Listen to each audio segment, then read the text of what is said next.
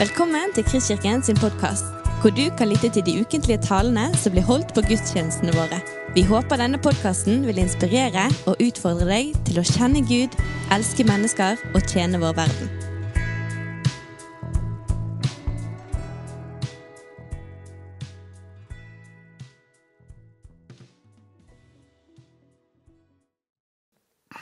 Mitt navn er Håvard, for de som ikke kjenner til meg fra før.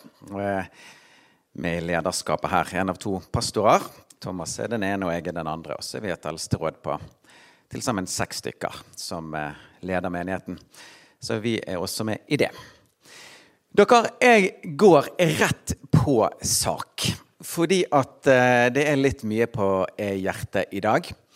Og vi begynner med et bilde her For de som hører dette på podkast, viser jeg et bilde av noen som samler inn flasker på, altså i hjemmene. Og jeg tror nok de aller fleste som eh, bor i Norge, har nok opplevd fra tid til annen at det ringer på døren. Og så er det noen som står der og spør om vi har noen tomflasker til overs. Klassen skal på tur til Pol, eller håndballaget skal til Gjøvik, eller det er et eller annet veldedig formål. Og det finnes vel bare ett svar når man eh, får en sånn eh, henvendelse. Så de fleste av oss, vi eh, ja da, sier et øyeblikk, og så inn og hente noen av våre flasker og lempe de opp i posen og ønske lykke til videre. Men her om dagen så skjedde det noe fiffig. Det ringte på. Min kone åpnet, og en gutt fra nabolaget sto der og spurte om vi hadde tomflasker. Ja da, sa Elisabeth, samtidig som hun rakk å kjenne på at eh, det manglet da noe i den uh, dialogen. Går det til noe spesielt? spurte Elisabeth.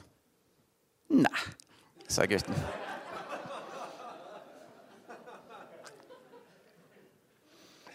Pengene var til han sjøl.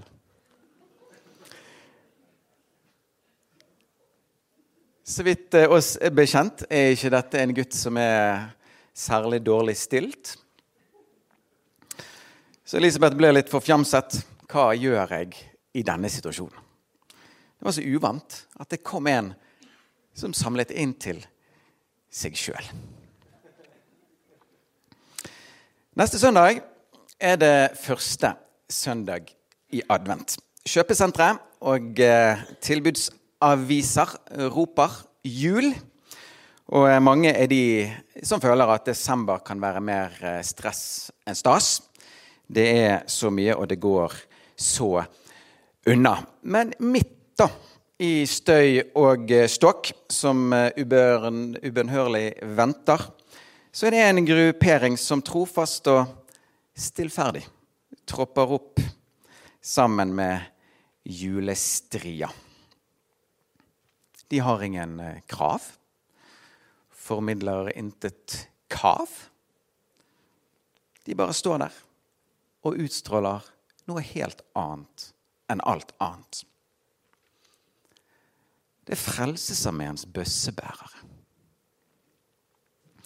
som egentlig er en ganske radikal gjeng.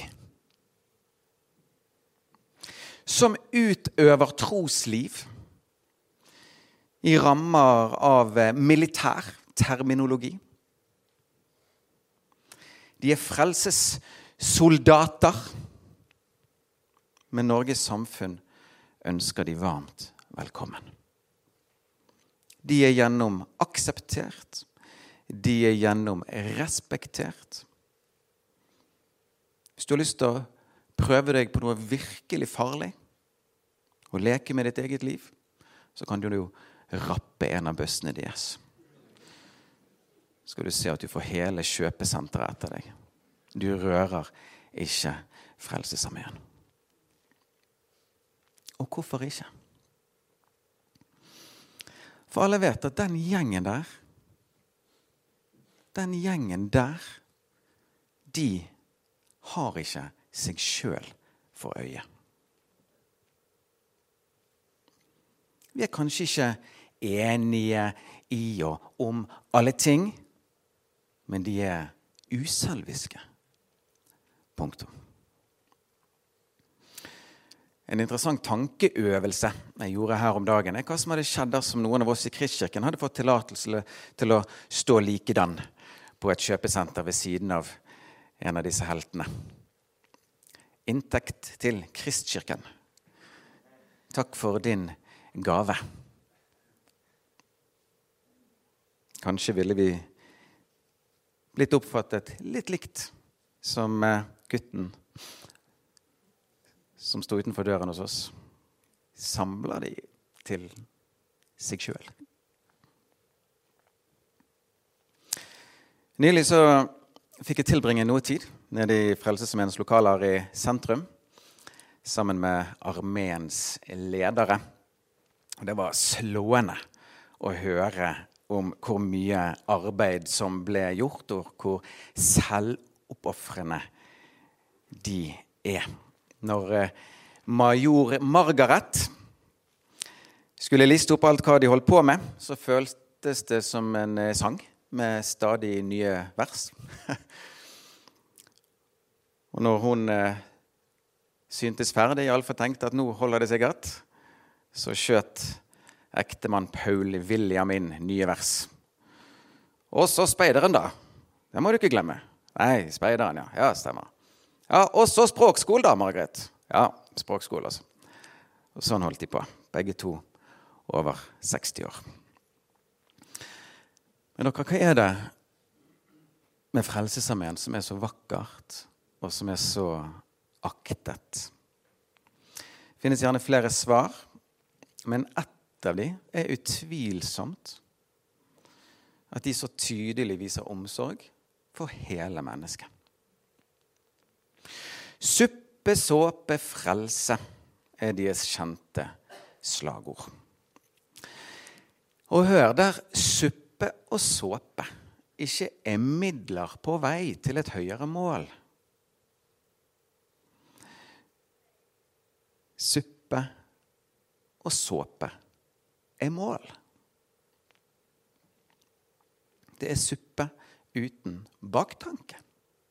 Såpe like så. Det er godhet. Punktum. I dag er en av de søndagene i året der vi ikke er inne i en taleserie. Det er et åpent tema. Og jeg har fått ro og tro for eh, å snakke om godhet. Godhet uten baktanke. De av dere som eh, har Kristkirkens eh, nyhetsbrev, kunne denne uken lese om noe jeg opplevde som 16-åring. Jeg var på en fire ukers teamtur til Mexico og USA. Og vi dro til Mexico først. Der lå jeg på en billig luftmadrass som eh, klebret seg til kroppen. Jeg fikk kun luften inn i den, klarte ikke å få luften ut av den. Og eh, den ble derfor igjen i Kuljakan når vi skulle ta flyet til USA. Jeg tenkte at jeg bare kunne sove på klærne når vi kom dit. Det skulle vel gå greit. Men overnattingen fant sted i eh, telt på et hardt jorde et godt stykke utenfor Atlanta. Og en av lederne var bare ikke til å rikke. Jeg skulle sove på hans madrass den uken. Han skulle sove på sine klær. Bjarte Sanne heter han. Mange av dere kjenner han. For meg ble dette veldig sterkt. Ikke så at jeg si, ikke hadde opplevd masse godhet tidligere, men det var en type godhet som ikke var forventet. Som nærmest overrumplet meg. Og gjennom dette så ble jeg satt på sporet av en ånd jeg ville bære, og et liv jeg ville leve. Jeg har reflektert mye over den situasjonen der. og jeg tror dere at noe av det som gjorde at det slo sånn ned i meg, dette, handlet nok i stor grad òg om den renheten som fulgte Bjartes godhet i dette tilfellet. Han skulle ikke ha noe igjen. Han ville bare være god mot meg. Og det er noe fascinerende med sånn type godhet. For eh, når mottatt, så får man lyst til å gi noe til andre eller tilbake. Akkurat den mekanismen er jo vel kjent i diverse bransjer. Du får gratis kaffe og Twist på vei inn i butikken vår, og du kjenner så på å gi noe i retur. Bra for oss.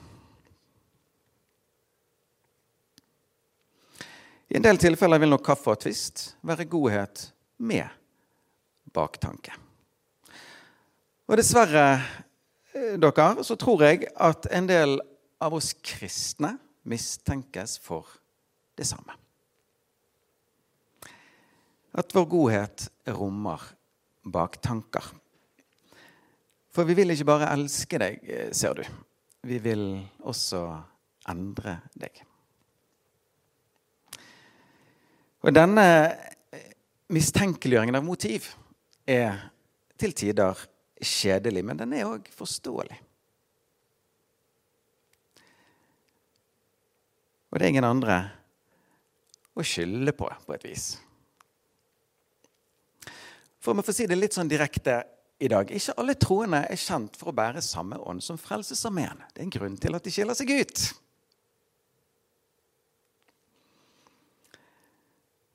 Og det er lett å mistenke at man dypest sett har noe mer for øyet. Egeninteresser eller andre interesser. Man er usikker på renheten i godheten. Nylig så hadde Rita, Vigdis og jeg 100 herlige minutter med styreren i barnehagen over tunet her. Dere ser et bilde ovenfra dere som er her. Astrid heter hun. En strålende person. Vi inviterte henne bort for eh, å uttrykke takknemlighet for den gode relasjonen vi erfarer med barnehagen.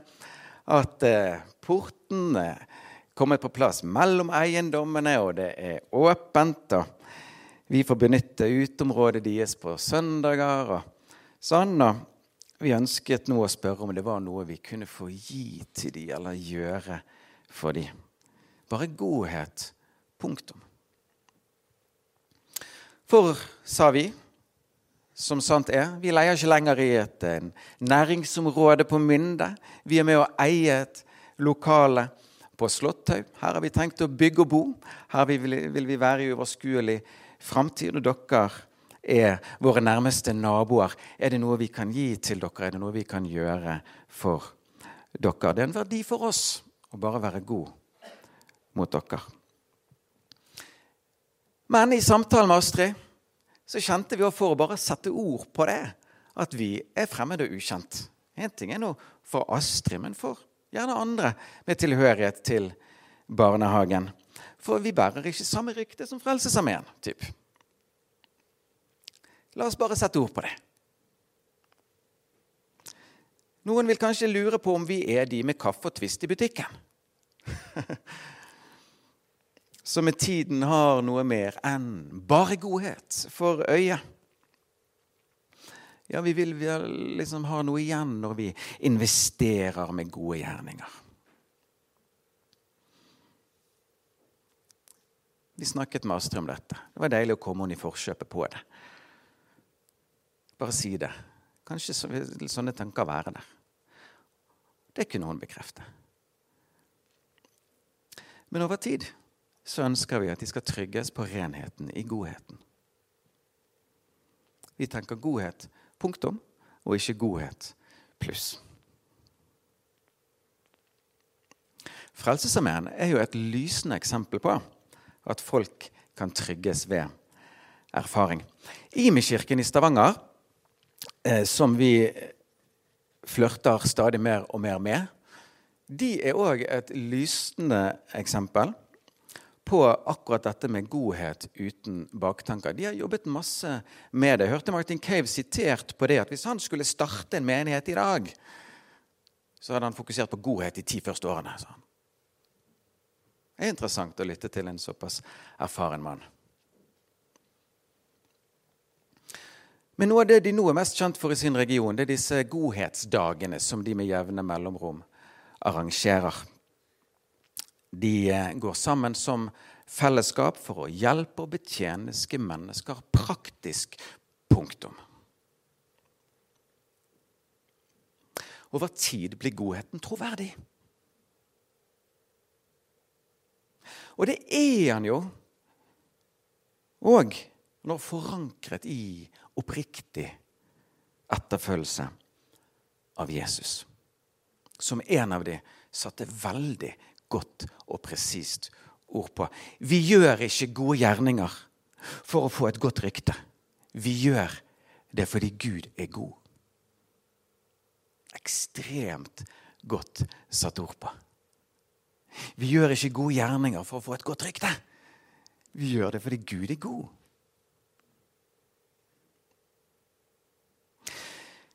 Det er interessant at Peter, en av Jesu aller nærmeste venner, han søkte en gang etter Jesu tid på jorden og konsentrert sammenfatte noen setninger overfor ikke-jøder som ville vite mer om Jesus Kristus. Og Peter trekker ut et par setninger av Apostels gjerninger 10, der han skal oppsummere noe om Jesus Kristus der. Om hans liv og virke. Og så sier han dette at Jesus gikk omkring og gjorde vel. Det er Jesus. Han gikk omkring og gjorde vel. En annen av Jesu nærmeste, Johannes, vitner om eh, den samme tingen i stor grad når han i høy alder skriver om det de opplevde rundt det siste måltidet. Han innleder det med å skrive Johannes 13, 1. Han elsket oss alle sammen. Helt til det siste. Jesus var god. Han gjorde godt, og vi følger han. Når forankret i Han, så blir godheten ren. Pilatus han er kjent for eh, dette sitatet. Hva er sannhet? Mange er de vi gjerne som har prøvd å si noe om det. Men om vi spør tilsvarende om kjærlighet hva er kjærlighet? Da vil jeg ta til orde for at det er én formulering i Skriften som eh, skiller seg ut og presist sammenfatter kjærlighetens essens. Kjærligheten søker ikke sitt eget.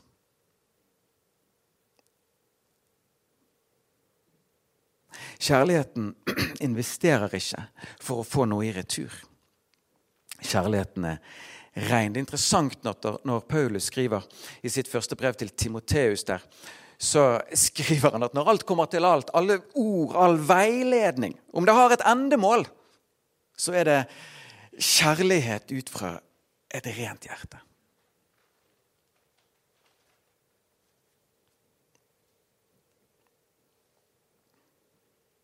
Igjen renheten i godheten. Godhet uten agenda. Ikke annen agenda enn godhet.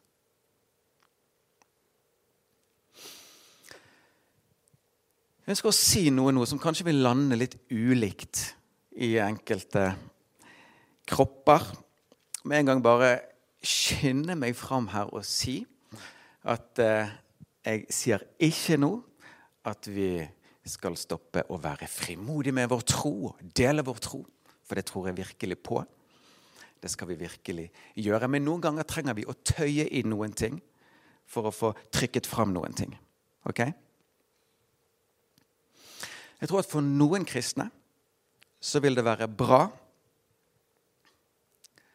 å tenke mindre på at man skal fiske mennesker, og mer på at man skal elske mennesker.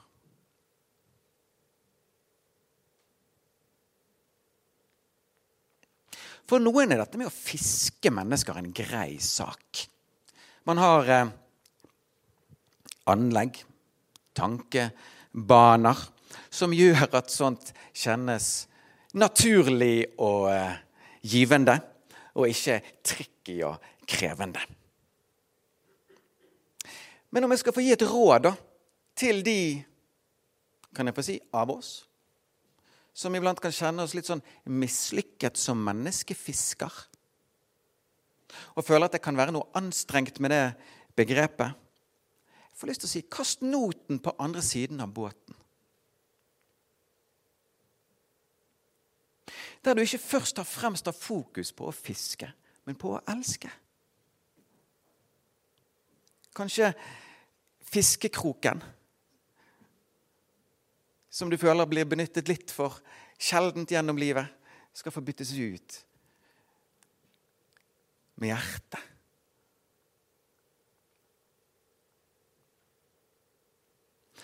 For å være veldig konkret, dere. For noen er det sånn at det å invitere naboen på alfakurs, hvilket igjen jeg tror vi skal få ta steg i og med økt frimodighet for å gjøre, men jeg har lyst til å sette ord på dette likevel, det kan føles som et uoverstigelig hinder å lamme noe. Man ser bare null innganger for å gjøre akkurat det. Enkelte kjenner på en nederlagsfølelse i møte med det. Og det bygger opp under en eller annen lav åndelig selvtillit som ganske mange mennesker bærer på. Andre kan gjerne slå seg til ro med at dette faller ikke så naturlig for meg. Sånne ting for andre tar seg av. For noen er det nemlig sånn at fisking kjennes litt sånn smalt og avansert, og muligheten oppstår sjeldent. Men elsking, dere Med en gang det ordet kommer på banen, med en gang godhet kommer på banen, så kjennes det ikke smalt og avansert og sjeldent. Da blir det bredt vidåpent og ustanselig. Det florerer av mulighet. Muligheter for godhet. Så hva om du kaster noten på andre siden av båten?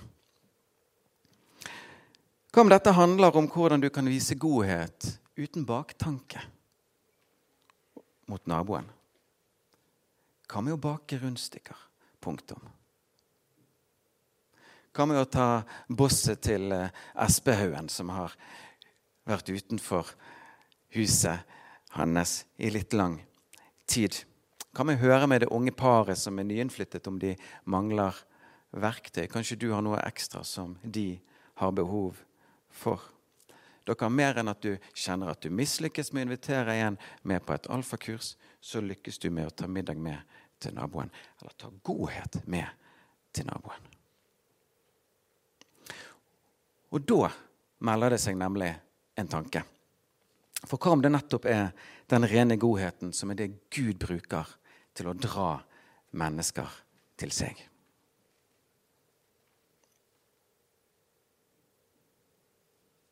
Jesus sier jo det, at når folk ser de gode gjerninger dere gjør, så vil tankene deres dras mot Gud.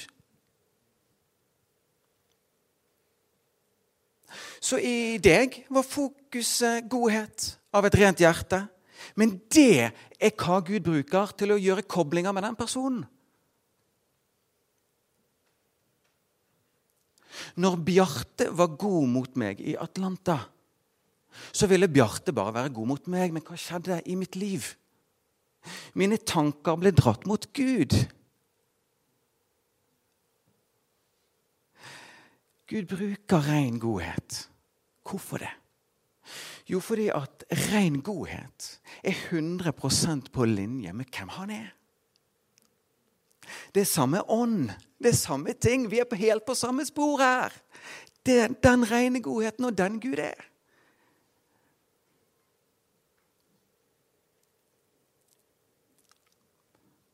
Og litt rart sagt, men i dette tilfellet har Bjarte plutselig blitt en menneskefisker.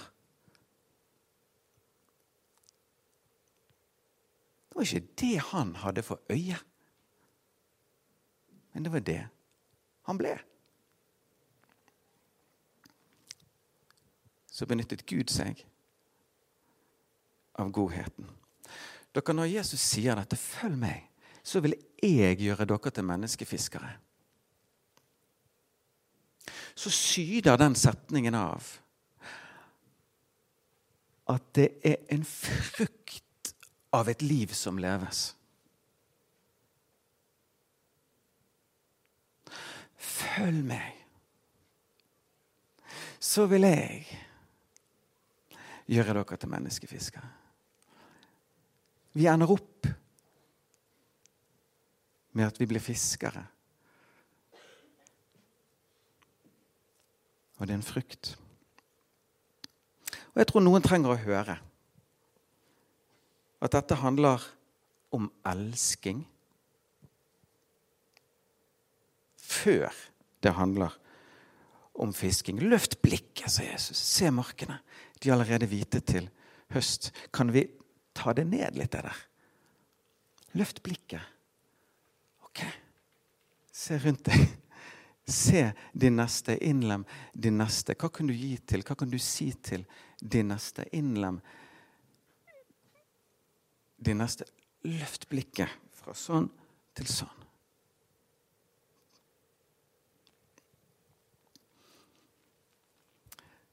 Noe, jeg synes Det er noe veldig fascinerende. Jeg vet ikke hvor mange av dere som har på en måte jobbet rundt det der å presse kameler gjennom et nåløye-begrepet i Guds ord. Men vi skal merke oss noe på vår vei i disse tingene her.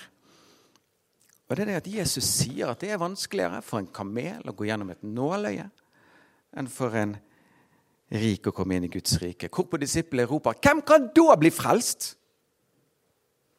Så sier han bare For mennesker er dette umulig. Men for Gud er alt mulig. Videre sier han i klartekst at ingen kan komme til Faderen uten at han drar han. Ikke at vi skal være de som drar. Det samstemmer med når Nikodemus kommer til Jesus. Han bare, 'Hvordan kan et menneske bli født på ny?' Og Jesus sier uten at han blir født av vann og ånd. Kan ikke han komme inn i Guds rike? Dette er et verk av Gud. Og jeg tror at det finnes en slags hovedregel i dette sjiktet her. At kjære venner, når vi ivrer for vår nestes frelse, som mange av oss gjør Hovedregel er be til Gud. Og søk du å være reinhjertet i din godhet mot de neste. Be til Gud, og søk du å være renhjertet i din godhet. Gud bruker det.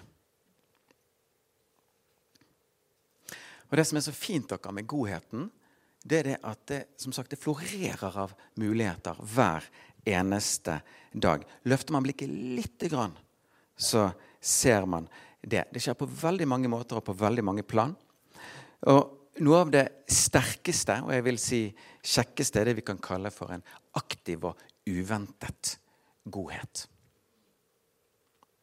En aktiv, uventet godhet. Det kan være enkle, hverdagslige ting. Som når jeg våkner i går til en melding på telefonen. Morgenlevering. Vel, fra Passion Åsane. En takk og en oppmuntring. Det gjør noe med meg. Det er en aktiv, uventet godhet. Som når min svigerinne Liv er på Nesttun senter og spør om jeg vil ha en kopp kaffe, for jeg er der nede. Eh, skal jeg komme opp med en til deg, Håvard? Aktiv, uventet godhet. Som når byggmesteren som jobber på nabohuset, får en lengre dag enn han trenger. Ok, det lages ekstra middag i vårt hjem. Aktiv, uventet godhet. Eller for å ta det helt ned som fredag ettermiddag, når en gjenglemt matboks blir tilbakelevert med en Nonstop-pose oppi. Det trenger ikke være så komplisert. godhet uten baktanke. Jeg syns det er så herlig dette begrepet som står i Titus 2, at Gud ønsker et folk som med iver gjør gode gjerninger. Du hører i det, der at her er det noe som man har Noe som er kjekt. Noe som gir mersmak. Noe man har glede i, glede av. Jeg kan kort nevne det at For en tid tilbake, når Elisabeth og jeg hadde litt bedre økonomi enn vi har nå for tiden, så hadde vi noe som vi kalte for månedens 500-lapp. Det var et kjempegøy ting. Hvor vi liksom bare sånn Hvem er det vi skal overraske denne måneden med et eller annet? En eller annen takk, en bukett, et plagg. Et eller, liksom denne, det er noe deilig og godt med en aktivt liksom, og uventet godhet. Overrumplende godhet. Og så er det òg noe i dette at når vi med iver skal få gjøre gode gjerninger Det ligger i dette at dette tilhører ikke sjeldenhetene som man av og til får bruk for. Dette er et liv. Og med det samstemmer versene 2.10. Vi er Hans verk, skapt i Kristus Jesus, til gode gjerninger som Gud forut lagt ferdig for at vi skal vandre i de. Ikke bare slumpe borti.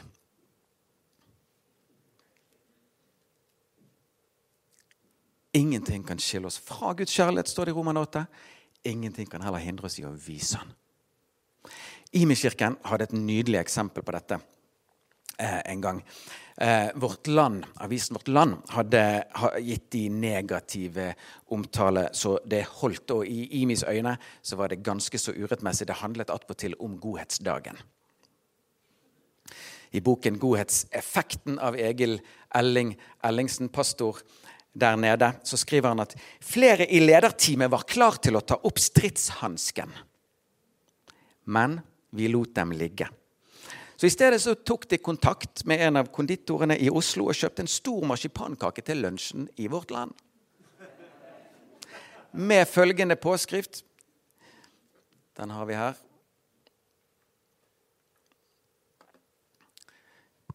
Vi tror fortsatt at småting gjort i kjærlighet kan forandre verden. Og Egil sier at det ble tatt vel imot i Oslo. Og det ble ingen kjedelig strid. Ingenting kan hindre oss fra Guds kjærlighet. Ingenting kan heller hindre oss i å vise Han. Det er interessant at det står om at Guds godhet skal etterjage oss alle vårt livs dager, men du hører jo her at det kanskje er nok til flere enn deg. Sant? Kanskje det er meningen at dette skal få være for flere. Ok. Jeg går mot avslutningen.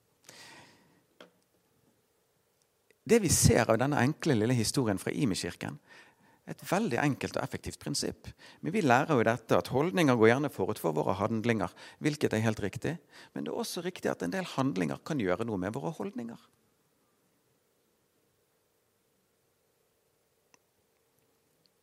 Og Dette gir seg ikke minst utslag i de relasjoner der det finnes vanskeligheter og friksjon. Du vet, Når Jesus snakker om dette med å elske vår, elske vår fiende, så er det veldig lett at vi i Norge sitter og smånikker og syns det høres helt flott ut. For vi omtaler veldig sjelden våre medmennesker som fiender. Vi har liksom ikke det, men vi har ganske mange vi ikke liker. Og vi har folk som vi opplever konflikter med eller vanskeligheter med eller liksom friksjoner med. Den kontinuerlig misfornøyde kollegaen på jobb, f.eks.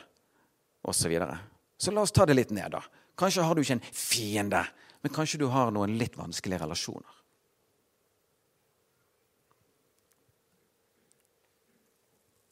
Et enkelt praktisk tips den nevnte Bjarte en gang ga til meg om sånne relasjoner. Han sa at noe av det mest effektive du kan gjøre i møte med mennesker man sliter litt med, det var det han kalte for skjult godhet. Vær god mot dem uten at de klarer å spore det tilbake til deg. Det kan for så vidt òg være forbønn. Men det gjør ikke noe med deres holdning overfor deg, men det gjør noe med din holdning overfor de. Kanskje noen av oss skal prøve ut skjult godhet. Kanskje enda flere av oss skal få ha uventet godhet mer på radaren vår. Det er kjekt, det er masse muligheter, og det smitter. Det er også Kristus likt. Gud bruker mennesker. Gud bruker dette til å dra mennesker til seg. Der vi kan vekte dette med å elske kanskje noe Kanskje det er et ord til noen mer enn å jobbe med å fiske. Så tenk godhet. Godhet uten baktanker. Jeg har lyst til å avslutte med dette at eh, vi ser at uselviske flaskeinnsamlere og Frelsesarmeen har det til felles at de vinner folket. For man er trygg på deres rene motiv. De søker ikke sitt eget. Og Det går det an å lære av. Strekke seg etter. Så lurer du kanskje på om Elisabeth ga av våre flasker til den ikke fullt så uselviske gutten som sto utenfor døren hos oss. For å si det sånn han var heldig med hvem som åpnet døren.